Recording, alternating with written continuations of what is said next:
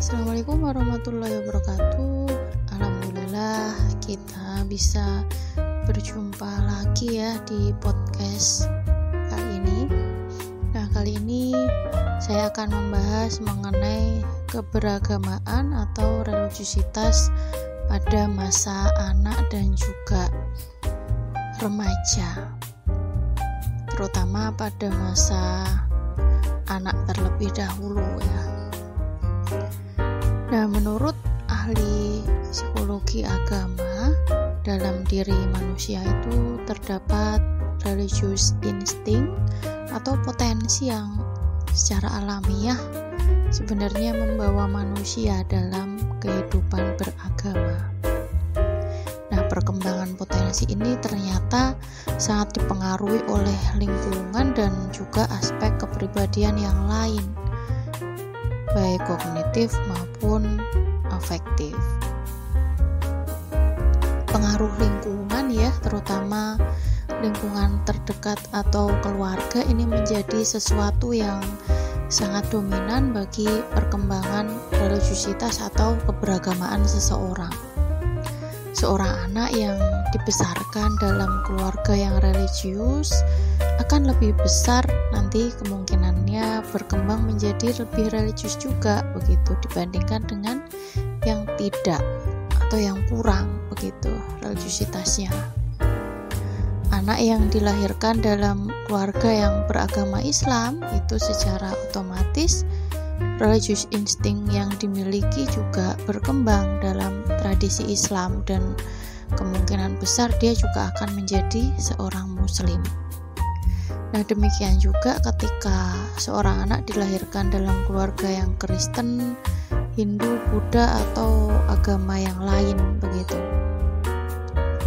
Nah, tetapi ada beberapa pengecualian di mana perkembangan keberagamaan menyimpang dari pengaruh lingkungan atau keluarga. Misalnya pada kasus konversi agama yaitu pindah afiliasi agama atau peningkatan secara drastis gitu ya dari non religius ke religius.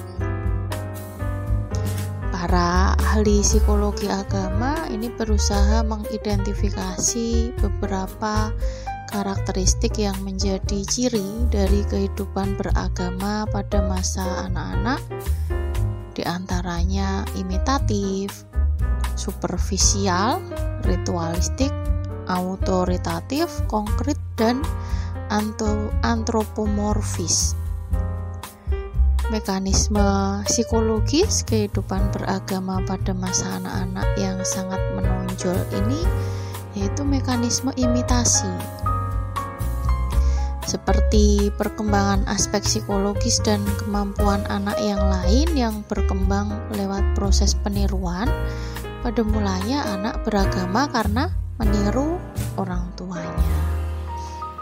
Nah, salah satu ciri kehidupan beragama pada masa anak-anak adalah sifatnya yang imitatif. Artinya anak-anak hanya menirukan apa yang diyakini dan dilakukan oleh orang tuanya.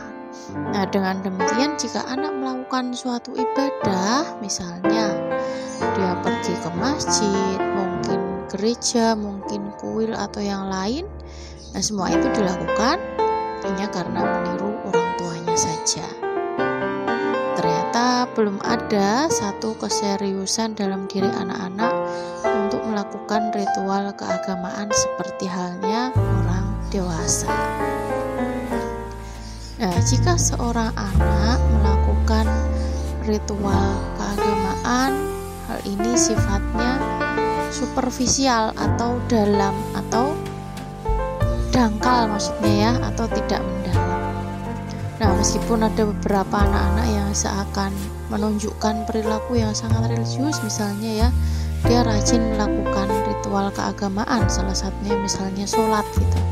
Tetapi apa yang mereka lakukan itu biasanya pada umumnya baru merupakan suatu kebiasaan saja. Jadi pemahaman dan penghayatan yang dalam tentang ajaran agamanya itu masih belum ada. Jadi mereka atau anak-anak ini menjalankan ajaran agama sifatnya masih ritualistik. Nah, bagi pendidikan agama, hal ini merupakan proses belajar sangat baik agar orang bisa menjadi religius. Nah, oke. Okay. Proses imitasi tadi ya pada anak-anak itu juga tampak pada penerimaan keyakinan agama yang diajarkan pada mereka. Jadi kehidupan beragama anak itu sangat tergantung pada faktor lingkungan. Jadi anak itu menerima agama bukan berdasarkan pertimbangan rasional atau teologis, tetapi semata-mata ditentukan oleh hubungan anak-anak itu dengan orang dewasa di sekitarnya. Nah, kemudian ciri kehidupan anak-anak yang lain sifatnya autoritatif atau kekuasaan. Nah, karena keberagamaan orang dewasa di sekitarnya, terutama orang tuanya. Meskipun anak-anak menerima ajaran agama secara apa adanya tanpa memikirkan lebih jauh tentang kebenarannya, tetapi hal ini bukan berarti anak-anak tidak pernah mengajukan pertanyaan tentang masalah agama. Ada dalam suatu penelitian di tahun 1974 ya, Zelik itu mengumpulkan sejumlah pertanyaan yang sering diajukan anak-anak dalam kaitan dengan kehidupan beragama, terutama tentang konsep Tuhan. Nah, pertanyaan yang sering diajukan misalnya ya, apakah Tuhan itu seperti manusia biasa? bagaimana Tuhan itu membuat dirinya sendiri ya. Bagaimana Tuhan bangun di langit? Berapa umurnya? Apakah dia seorang Kristen atau Yahudi? Apakah Tuhan itu seperti manusia? Apakah bisa didekap? Nah, contohnya seperti itu. Selain itu, Prof. Tahun 2013 itu pernah melaksanakan survei terhadap mahasiswa Fakultas Psikologi UGM tentang pertanyaan berkaitan dengan agama yang pernah muncul pada masa anak-anak mereka dahulu. Seperti pada anak-anak yang beragama Kristen, anak-anak yang beragama Islam juga banyak mengajukan pertanyaan seputar agama gitu ya. Seperti misalnya, ada Tuhan? Bagaimana bentuk Tuhan? Apakah bentuknya seperti awan-awan pada Power Rangers misalnya? Tuhan itu tinggal di mana? Apakah Tuhan itu laki-laki atau perempuan misalnya ya dan seterusnya. Masih ada beberapa pertanyaan-pertanyaan yang lain. Nah, pertanyaan yang diajukan gitu ya oleh anak-anak tersebut bukan sebuah pertanyaan yang serius dalam arti bahwa anak-anak bukan menanyakan tentang kebenaran ajaran yang diterima tetapi lebih banyak didorong oleh rasa ingin tahu atau curiosity belaka gitu. Nah, tetapi meskipun sifatnya ingin tahu saja, pertanyaan seperti di atas kadang membuat orang tua bingung kalau dijawab sekenanya, anak akan melanjutkan pertanyaan, misalnya di mana rumah Tuhan, misalnya orang tuanya menjawab di masjid. Nah, anak itu kemudian berkata, kalau begitu Mas Ahmad yang nunggu masjid itu pembantunya Tuhan, misalnya. Atau ketika orang tua menjawab Tuhan di langit, maka anak berkata, kalau begitu waktu hujan itu apa Tuhan sedang pipis? Begitu. Nah, sejak kecil memang anak-anak perlu dikenalkan dengan ajaran agama berkaitan dengan pertanyaan seputar agama. Dalam agama Islam, Nabi Muhammad Wasallam melarang umatnya untuk memikirkan zat atau esensi Allah, tetapi orang Islam diberi perintah untuk memikirkan ciptaan-ciptaan Allah yang termasuk dalam memikirkan zat Allah ini adalah memikirkan bentuk Allah, kemudian tempat tinggal, dan yang lain-lain seperti pertanyaan anak-anak gitu ya di atas. Nah, untuk menjawab pertanyaan tadi, orang tua perlu mengacu pada ajaran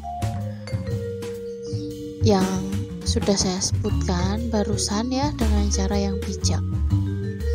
Pertanyaan anak ini menunjukkan bahwa kemampuan kognitifnya sebenarnya berkembang dengan baik namun masih perlu diarahkan untuk mempertanyakan ciptaan Tuhan bukan wujud dan juga esensi Tuhan. Nah, perkembangan kognitif anak memang sangat mempengaruhi kehidupan beragama pada masa anak-anak ini. Berdasar teori perkembangan kognitif Piase, anak umur 7 sampai 11 tahun berada pada tahap operasional konkret di mana pada masa ini anak memahami segala sesuatu yang abstrak akan diinterpretasikan secara konkret.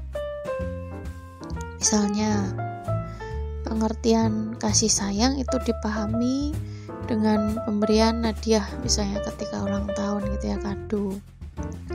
Hal ini juga ternyata mempengaruhi pada kehidupan beragama mereka sehingga ciri lain kehidupan beragama pada masa anak ini adalah sifatnya yang konkret dan juga antropomorfis atau persepsi bahwa Tuhan punya bentuk dan sikap seperti manusia.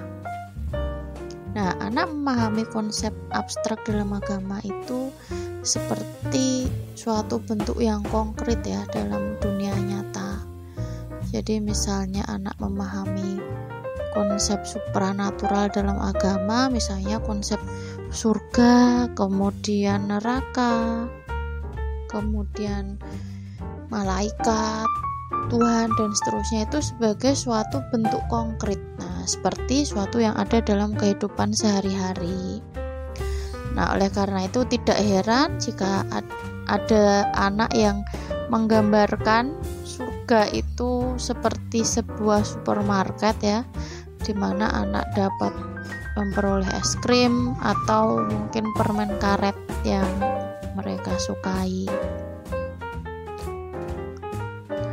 Nah, uh, Prof. Subandi juga pernah melakukan survei ya dan terungkap bahwa gambaran anak-anak tentang surga, neraka dan malaikat misalnya ya. Saya membayangkan surga itu di langit dengan banyak makanan yang tidak pernah habis. Ada Power Ranger dan Ultraman saya membayangkan dunia itu hanya terdiri dari tiga, tiga planet yaitu Indonesia, Inggris, dan satu lagi planet yang isinya surga neraka. Surga itu seperti perkebunan yang penuh dengan buah-buahan dan sejuk misalnya. Nah, dalam memahami konsep Tuhan gitu ya, anak-anak juga banyak menggambarkan Tuhan itu seperti manusia. Nah, dalam beberapa penelitian terhadap anak yang beragama Kristen, banyak terungkap bahwa anak yang anak itu sering mengasosiasikan Tuhan sebagai orang besar atau sudah tua yang tinggal di langit begitu. Nah, kemudian McLean ini juga menemukan dalam penelitian bahwa 73% anak yang diteliti menyetujui bahwa Tuhan itu punya muka, tangan, dan kaki seperti manusia.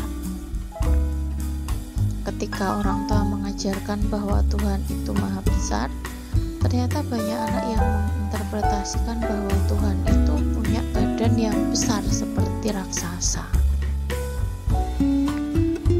anak yang beragama Islam juga konsep Tuhannya sifatnya antropomorfis juga gitu ya misalnya ini ya dari penelitian Prof. Subandi sebagian besar subjek menjawab misalnya jawabannya ya gitu ya ketika ada ada uh, seperti Tadi misalnya penjelasannya seperti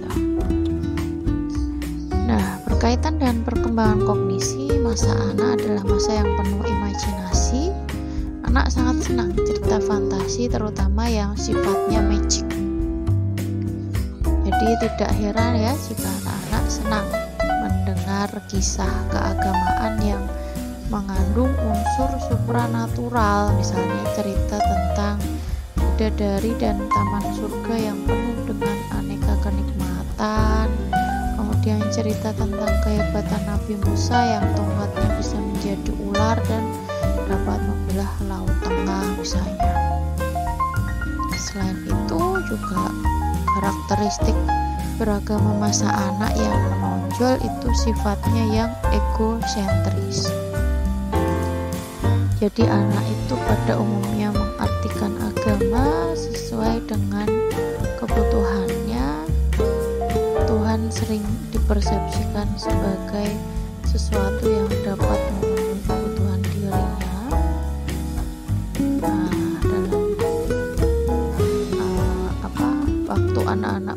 berdoa itu ya. Bahwa itu dikaitkan dengan hal-hal yang sifatnya egosentris misalnya untuk mendapatkan mainan atau kesenangannya yang lain jadi melaksanakan doa sebagai wujud pengabdian kepada Tuhan itu masih jauh dari jangkauan mereka. Begitu saya kira ya teman-teman semuanya. Semoga bermanfaat dan tetap sehat, tetap produktif. Wassalamualaikum warahmatullahi wabarakatuh.